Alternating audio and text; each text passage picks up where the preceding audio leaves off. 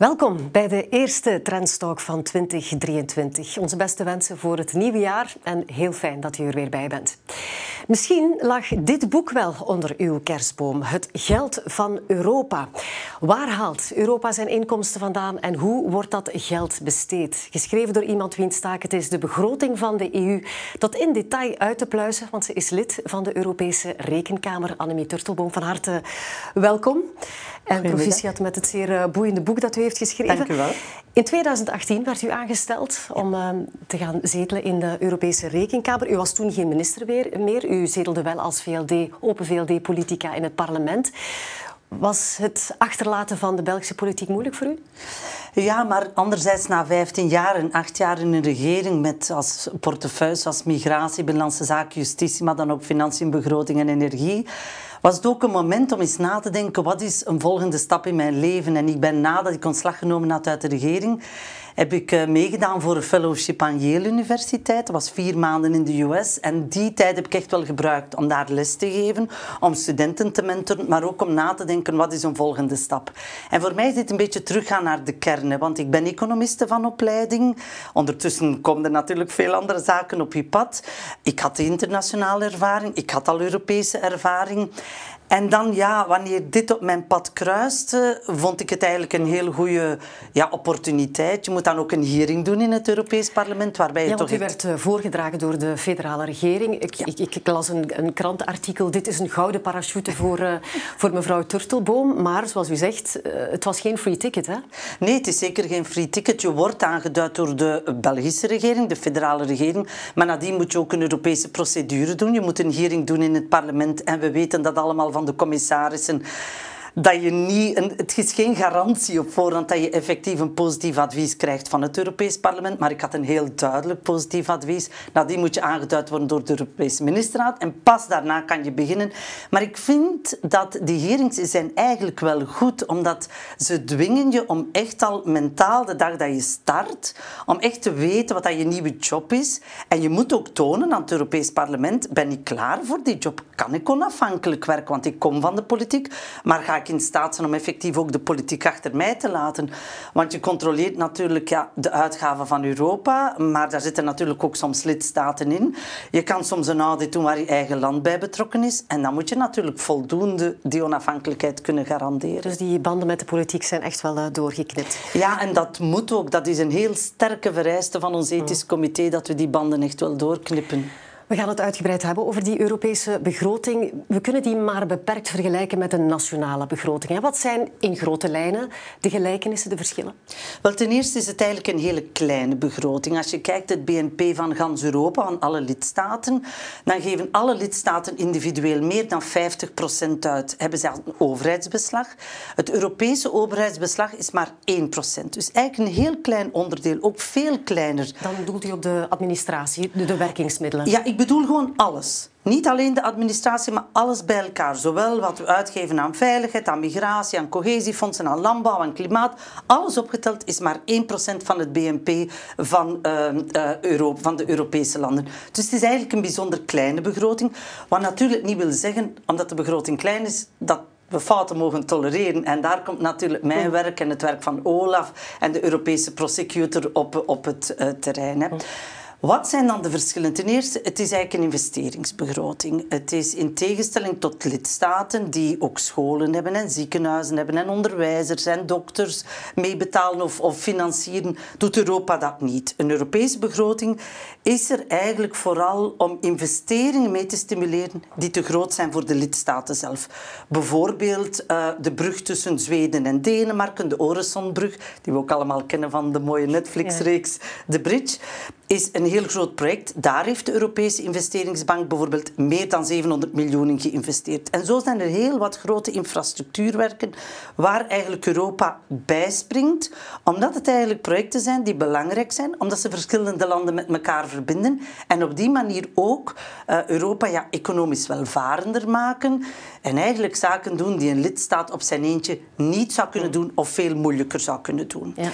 Dat is natuurlijk op vlak van investering, maar betekent ook dat Europa relatief weinig zelf doet. De meeste zaken zijn eigenlijk gedeeld beheer. Bijvoorbeeld, als Europa een financiering geeft voor een bepaald project, geeft Europa geld, De lidstaten geven geld, maar eigenlijk het operationeel management is dan meestal in handen van de lidstaten, waardoor dat je natuurlijk ook wel ziet dat de Europese Unie blijft ook wel, um, ja, de hoofdsteden zijn toch wel bijzonder belangrijk in het functioneren van de Europese Unie. En er gebeurt toch weinig zonder dat uh, Berlijn, Parijs en andere hoofdsteden een fiat geven. Mm. En dat is soms ook wel ja, het gebrek, want lidstaten kijken naar Europa tijden van corona of um, nu met de oorlog, kijken naar Europa om oplossingen te vinden.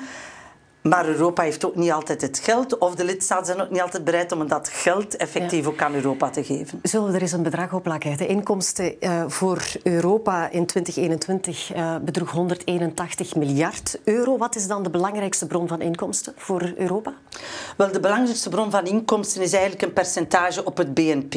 Dus een percentage, afhankelijk van de grootte van het land, de sterkte van de economie van het land, betaalt men een percentage daarop aan Europa. Dus elk lidstaat draagt bij, onafhankelijk of ze netto bijdrager of betaler zijn. Exact, exact. Men betaalt, uh, men draagt een gedeelte bij. Een deel komt ook van btw-inkomsten. Dus als je iets koopt, schoenen koopt, dan gaat een percentage van dit uh, bedrag naar Europa. Een deel zijn ook um, de douane-inkomsten, waar dat aan Antwerpen een belangrijke rol speelt, omdat we de tweede grootste haven zijn van Europa. Uh, dat zijn de inkomsten. Maar als je dan kijkt naar die 181 miljard, dan moet je ook wel zeggen, de meest welvarende mensen ter wereld hebben een groter persoonlijk fortuin, gebaseerd op een beurswaarde. Dus je kan dat niet helemaal vergelijken. Maar dat groter is dan de budget en de begroting van de Europese Unie. Wat eigenlijk toch echt in perspectief zet als mensen zeggen: is Europa een geldverslindend monster? Ja, dan kan je zeggen: is het een superstaat? Ja, misschien, want op vlak van wetgeving heeft ze een belangrijke macht. Maar als je kijkt naar de begroting, is het eigenlijk een bijzonder mm. kleine begroting. Ja.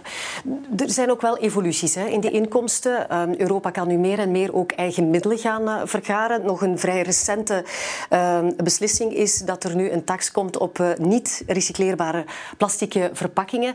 Um, is dat de weg die Europa meer moet um, inslaan? Want u, u, schrijft ook in uw boek, ja, de lidstaten zijn niet bereid om meer van dat BNP te gaan, uh, gaan, gaan afgeven aan, aan de EU. Dat is wel een manier om toch de taken, de grotere taken die de EU heeft, om die te bekostigen. Ja, Europa probeert meer en meer onafhankelijk of minder afhankelijk te worden van de bijdragen die via de lidstaten gaan. En dat is een stuk een gevecht, want het Europees Parlement wil dat, de Europese Commissie wil dat, maar de lidstaten staan eigenlijk op de rem. Er is ook nog altijd een unanimiteitsregel, dus elke keer als een nieuwe inkomst moet geïnstalleerd worden in Europa, dan moeten alle 27 lidstaten het ermee eens zijn. Nu goed, de coronacrisis kwam, Europa had extra middelen nodig en daar zijn een aantal nieuwe inkomsten die erbij komen. De belasting op niet gerecycleerd plastic is daar één van. Waarom? Omdat we natuurlijk zien dat is bijzonder milieuverontreinigend, uh, dus dat moet echt aangepakt worden. En dus vanaf 1 januari 2021 moet elke lidstaat per kilogram niet gerecycleerd plastic een bepaalde bijdrage leveren aan Europa. Een beetje een win-win. Je doet iets goed voor de samenleving hè, op vlak van milieuverontreiniging. Belangrijk in de prioriteiten van Europa, de Green Deal. En anderzijds toch ook minder afhankelijk zijn van wat er in de lidstaten zelf gebeurt. Wat er ook nog in de pijplijn zit, uh, wel interessant, is die carbon border tax. Ja. Um, dat is eigenlijk om een gelijk speelveld te creëren, want onze eigen industrie, die een grote uitstoot hebben van de CO2, die worden zwaarder uh, Ehm, belast uh, in de toekomst, ook via het ETS-systeem. Ja, als we natuurlijk producten gaan invoeren waar dat de regels niet gelden in het buitenland, dan heb je geen eerlijke concurrentie.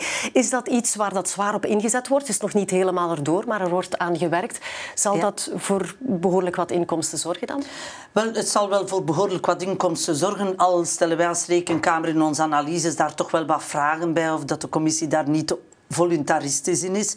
Maar de bedoeling is inderdaad dat producten die in het buitenland geproduceerd worden en die een grotere CO2-voetafdruk hebben, ja, dat op het moment dat die ingevoerd worden in Europa en het kan eigenlijk beter en uh, met een lagere CO2-voetafdruk geproduceerd worden in Europa, dan gaat daar ook certificaten moeten voor gekocht worden, dan gaat daar moeten voor betaald worden. Maar dat kadert allemaal in de bedoelstelling van Europa om de Europese economie groener te maken. Het past ook in de Fit for 55, hè, om uh, naar een CO2-reductie te gaan van 55% tegen 2030, wat toch wel een bijzonder ambitieuze doelstelling is. Mm. Of die gehaald wordt of niet, ja, dat zijn wij dan die dit analyseren in onze rapporten uh, uh, en dan aanbevelingen geven waar we zien dat er toch wel fouten of mankementen in het systeem zitten. Ja, ook een interessante nieuwe tax die er misschien zit aan te komen. Dat is een minimumbelasting voor de multinationals. Mhm. Daar is al een akkoord over uh, de, bij de OESO-landen, de G20-landen, maar dat, ja, dat moet nog uitgewerkt worden. Europa wil hierin uh, het voortouw uh, nemen. Het zou gaan om 15% van de winsten van de, de grote bedrijven. Ja. Hoe, hoe, kijkt de Rekenkamer daar naartoe? Wel, inderdaad, er zou een, een belasting komen, een minimumvernootschapsbelasting. Doelstelling van de commissie is om meer rechtvaardigheid te hebben, want het stoot iedereen toch wel voor de borst dat er op een bepaald moment bedrijven zijn die met heel lage belastingsvoeten eigenlijk wegkomen. Bedoeling is een minimumbelasting van 15%. Is uw bedrijf gevestigd in een land waar u maar 9% betaalt, ja, dan moet je de andere 6% ook extra uh, bijdragen. Voor ons is dat allemaal, wij volgen dit heel nauwgezet op, omdat er natuurlijk wel grote ambities zijn. Maar deze nieuwe belastingen hangen samen met de extra middelen, de 750 miljard dat Europa van de, uh, samengebracht heeft om eigenlijk de Europese economie te stutten en te helpen na uh, de coronapandemie en na de grote economische krim die er toch gekomen is na de corona, uh, door de coronapandemie. Dan heeft u het over het Next Generation EU. Um, ehm, ja, dan heb, budget, ik het ja. dan heb ik het over Next Generation EU. En wat toch wel frappant was en wel interessant was, dat na de bankencrisis in 2008 was Europa eigenlijk veel te traag gereageerd om de Europese economie te stutten. Zeker als je dat vergelijkt met de Verenigde Staten. Ze hebben hun lessen geleerd hè, en ze hebben gezegd van oké, deze crisis gaat er nog veel meer inhakken. Dus men heeft 750 miljard opgehaald en daarmee zijn eigenlijk ook een aantal taboes gesneuveld. Want bijvoorbeeld allang uh, pleit... Het gebeurt via een lening, hè? Het gebeurt via een lening. Wordt, geld wordt opgehaald op de kapitaalmarkten, uh, gebackt door obligaties. Wat toch wel het taboe is, één, Europa is schulden aangaan. Tot dan is een Europese begroting, en dat is een groot verschil met nationale begrotingen, moet altijd in evenwicht zijn. Wel, nu met het pakket is een tijdelijke maatregel gaat Europa wel schulden aan. Sommige Europese politici pleiten daar eigenlijk al jaren voor. Het was altijd een absoluut taboe, maar je ziet daardoor dat Europa toch ook evolueert naar aanleiding van crisissen. Taboes sneuvelen elke keer wanneer er een grote crisis is. Mhm. We hebben het al uitgebreid gehad, ongeveer toch over de inkomsten. Misschien ook eens kijken naar de uitgaven. Um, het landbouwbeleid neemt nog altijd een hele grote hap uit dat eh, budget. Hè. 30 procent. Dat gaat over 56 eh, miljard. Een deel van dat budget zou ook moeten gaan naar klimaatacties. Um, wat vindt de Rekenkamer of dat inderdaad ook gebeurt naar efficiëntie, effectiviteit? Wel, wij hebben een rapport gemaakt dat toch wel ontluisterend was. We hadden gezien dat over de twee, meer dan 200 miljard dat eigenlijk zo gezegd van naar klimaat zou moeten gaan, er eigenlijk 72 miljard ja, het label klimaat kregen, maar niet echt als een klimaatmaatregel kan uh, uh, beschouwd worden. Uh, en daarom zijn onze analyses natuurlijk van belang. Kan geven? Wel, het is moeilijk, maar bijvoorbeeld sommige infrastructuurprojecten om bijvoorbeeld in landbouwbedrijven te moderniseren, waar het label op zat klimaat was, maar dat het eigenlijk gewoon een klassieke landbouwinvestering was. Wat niet fout is, maar het is moeilijk om naar de bevolking te zeggen op een bepaald moment dit is een klimaatmaatregel als het geen klimaatmaatregel is. Wat wij daarmee willen zeggen is, de commissie probeert die tanker van dat Europese landbouwbeleid, waar nog altijd 30% van, van het Europees budget naartoe gaat, probeert men meer richting klimaatmaatregelen te krijgen.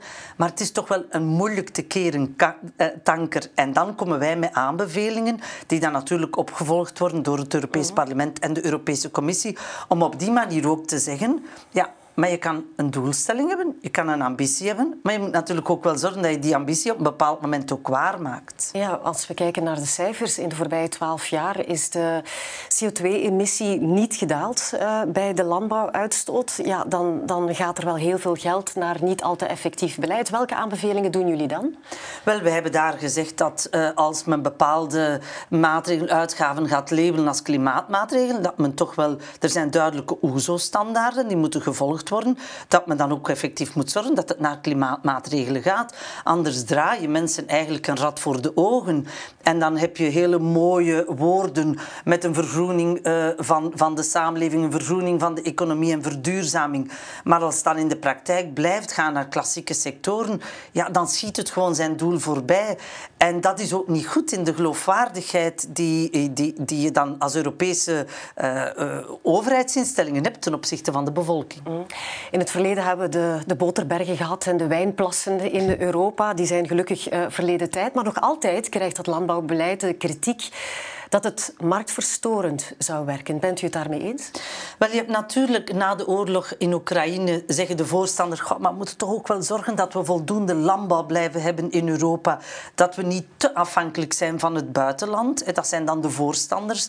Ik verwacht dat die voorstanders misschien belangrijker gaan worden nu in de komende uh, jaren. De tegenstanders zeggen het is gewoon marktverstorend, want je, door directe steun aan landbouwers te geven, door subsidies te geven, ja, ben je marktverstorend naar bijvoorbeeld bijvoorbeeld een continent zoals Afrika en dat misschien ook bepaalde producten zou willen invoeren. Het is niet aan mij om te beslissen wie nu effectief gelijk heeft. De realiteit is wel dat nog altijd 30% van de Europese begroting aan landbouw gaat. Dat is natuurlijk gestoeld op historische gronden. De vraag is, is dat nog altijd het belangrijkste wat je moet doen op dit mhm. ogenblik? We moeten het uiteraard ook hebben over het cohesiefonds. Hè. Een groot deel van dat cohesiefonds gaat naar eh, regionale ontwikkeling om de sociaal-economische verschillen te nivelleren eh, tussen de lidstaten. Ehm, het is een soort van Marshallplan. Werkt dat? Ja, want ik schrijf bijvoorbeeld in mijn boek heb ik een, heel duidelijke grafiek dat zegt dat bijvoorbeeld de vroegere communistische landen een hogere economische groei hebben dan bijvoorbeeld België of Nederland of Duitsland. En dat komt voor een deel ook door die cohesiefondsen. Wat is de redenering erachter? Na de Tweede Wereldoorlog heeft uh, Amerika 2% van zijn BNP gegeven aan Europa om Europa terug herop te bouwen. Hè, omdat ze zeggen een sterk Europa is ook belangrijk voor de Amerikaanse economie. Eigenlijk geldt hetzelfde principe nog altijd met de cohesiefondsen. Hoe sterker de voormalige uh, communistische landen, de Oost-Europese landen worden, waar het BNP per capita lager is dan in de, bijvoorbeeld Duitsland of in België, hoe sterker zij worden, ook hoe beter dit is voor onze economie. Want dan stijgt de koopkracht daar, dan stijgt de welvaart daar. En daarom dat heel wat van die cohesiefondsen gaan bijvoorbeeld naar grote infrastructuurprojecten. Recent nog de brug dat Noord met Zuid-Kroatië met elkaar verbindt, om op die manier uh, gebieden die meer achtergesteld erbovenop te krijgen. Nu, denk niet dat de cohesiefondsen alleen naar voormalige Oost- of naar Oost-Europese landen gaan. Ook in ons land, hè, bij de sluiting van de mijnen in Limburg, zijn er de gelden van de cohesiefondsen naartoe gaan. Bij de sluiting van de staalindustrie en de mijnen in Henegouwen zijn er ook gelden van die cohesiefondsen naar die regio's gegaan, om ervoor te zorgen dat die echt op het niveau geraken van ja, de rest van het land en het gemiddelde in Europa. U heeft gewerkt aan een uh, rapport over het eventueel intrekken uh, van subsidies als uh, bepaalde landen de basisregels, bijvoorbeeld de democratische basisregels, niet volgen.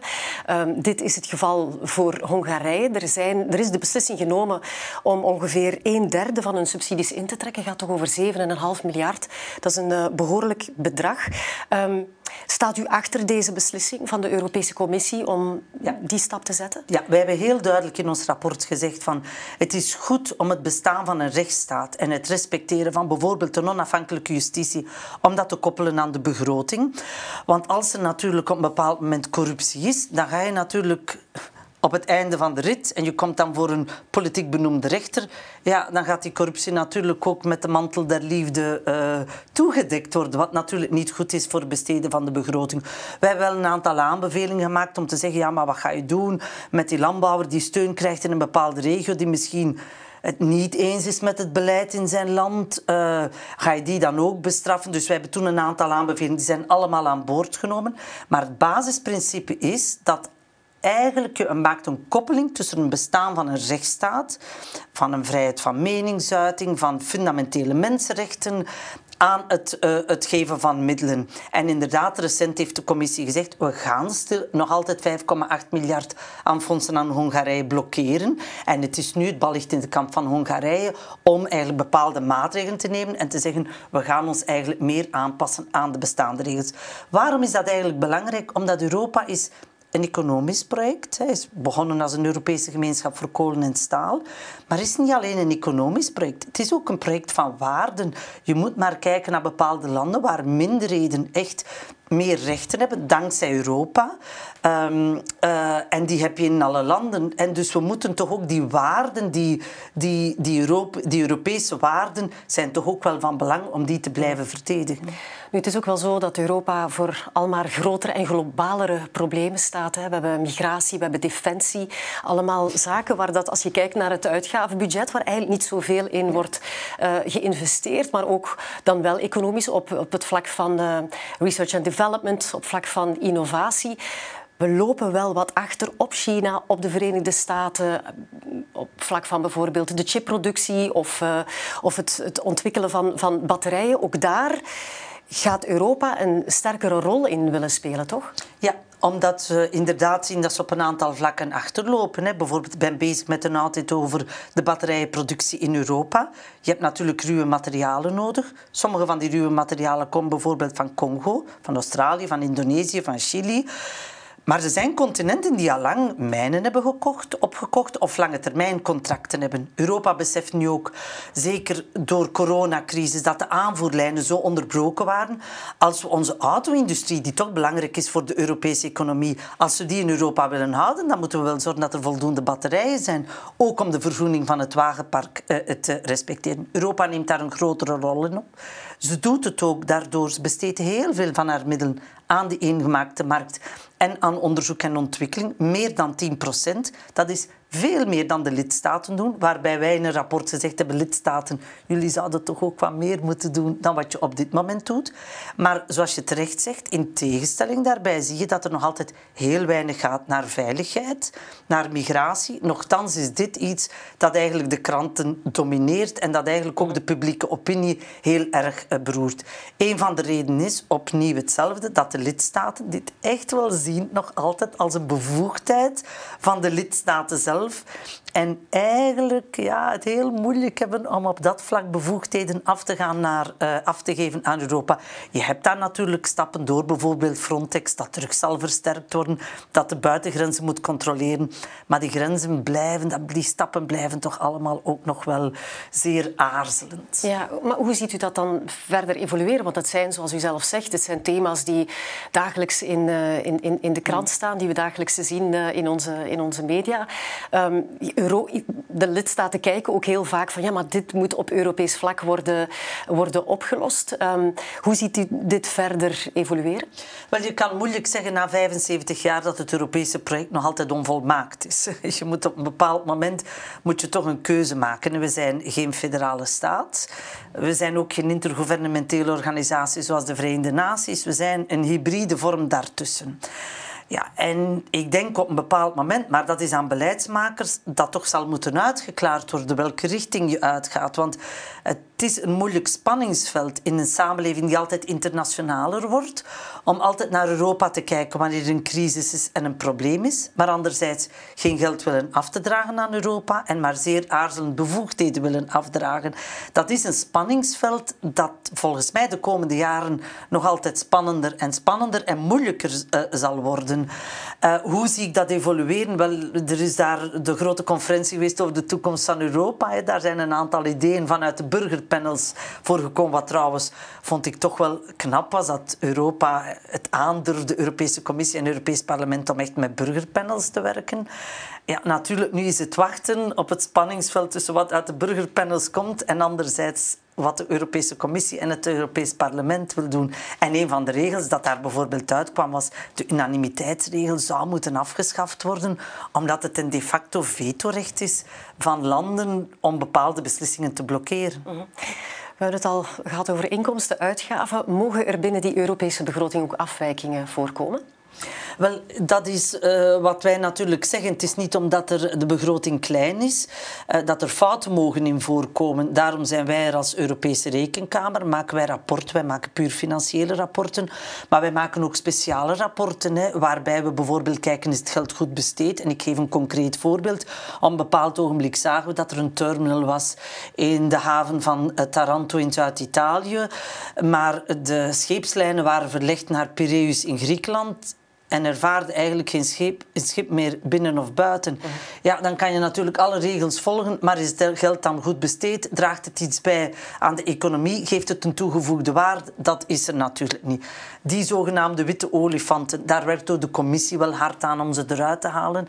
En wat wij eigenlijk zeggen is, ja, een foutenpercentage van 2%, goh, niks is perfect, dan denken we volgens internationale auditstandaarden dat eigenlijk het budget niet helemaal geïmpacteerd is.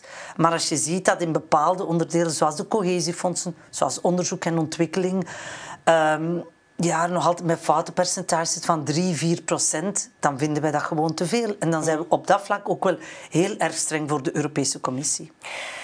Iets wat heel erg leeft bij de bevolking is, is ons land een netto-betaler of een, uh, of een, of een netto-ontvanger. Um, misschien even ons toespitsen op, uh, op België, want we hebben natuurlijk ook de Europese instellingen in, uh, in Brussel.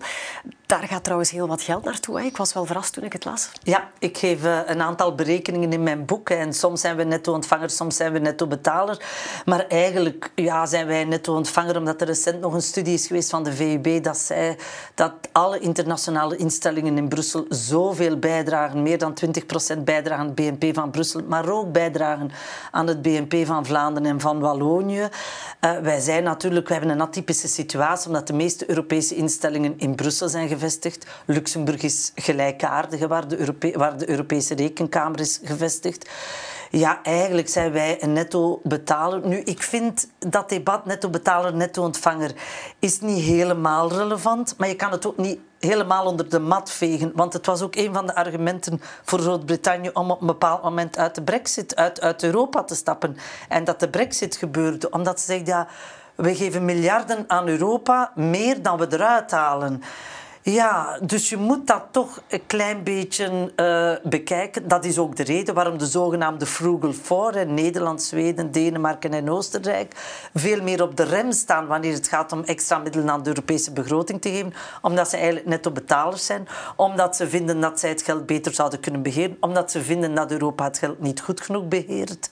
Uh, en daardoor eigenlijk niet zo sterk Europa willen. Maar u benadrukt ook in uw boek dat natuurlijk de, de originele bedoeling ook van het Europese project is om alle landen, of de landen die achterop lopen, om die um, qua welvaart um, naar een hoger niveau, zodat er meer handel kan zijn binnen de grenzen van de Europese Unie. Ja, en ook omdat je natuurlijk vrijhandel zorgt ook op een bepaald moment dat bepaalde bedrijven niet meer competitief zijn in bepaalde uh, landen. Dat is ook de reden waarom je die cohesiefondsen hebt en waarom dat die nog altijd zo het grootste onderdeel zijn van de Europese begroting.